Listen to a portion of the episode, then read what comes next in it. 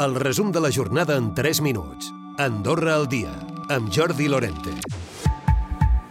El secretari general de Demòcrates creu que els residents del poder adquisitiu haurien de contribuir més a les finances públiques una vegada arriben al país.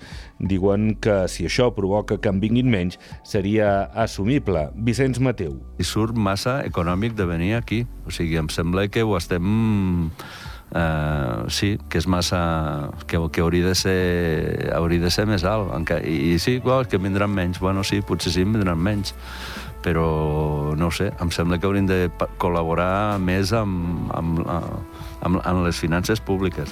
El govern espera que en dos mesos es pugui arribar a un acord en el Pacte Nacional de la Salut, que hauria d'incloure el SAS, la CAS, els col·lectius professionals i els grups parlamentaris.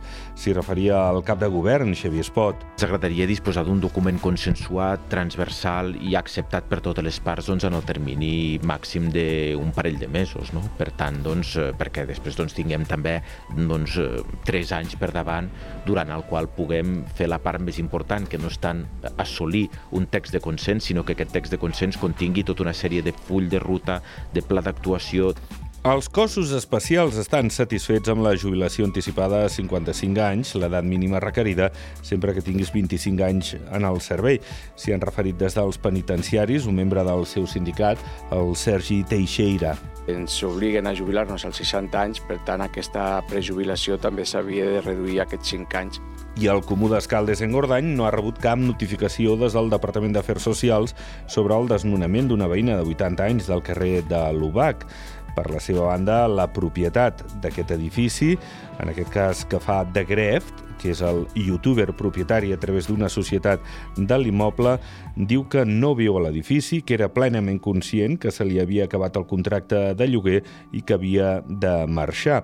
Explica que un cop comprat l'edifici es va comunicar als inquilins que van anar marxant, menys aquesta dona que diu que viu en un estat deplorable. En el comunicat es relata que l'edifici no és el seu lloc de residència, que és familiar de l'antic propietari i, segons ja es va declarar a la Vallia, sabia que havia de marxar, quan el desnonament és una qüestió dictada per la Vallia.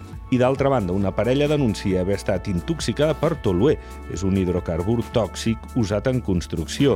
El Departament d'Indústria considera que el seu pis no és habitable, però la Vallia va absoldre el veí que va fer la reforma. En parlava el propietari d'aquest pis, intoxicat per toluè, el Manel Álvarez. Portem més de 80.000 euros gastats.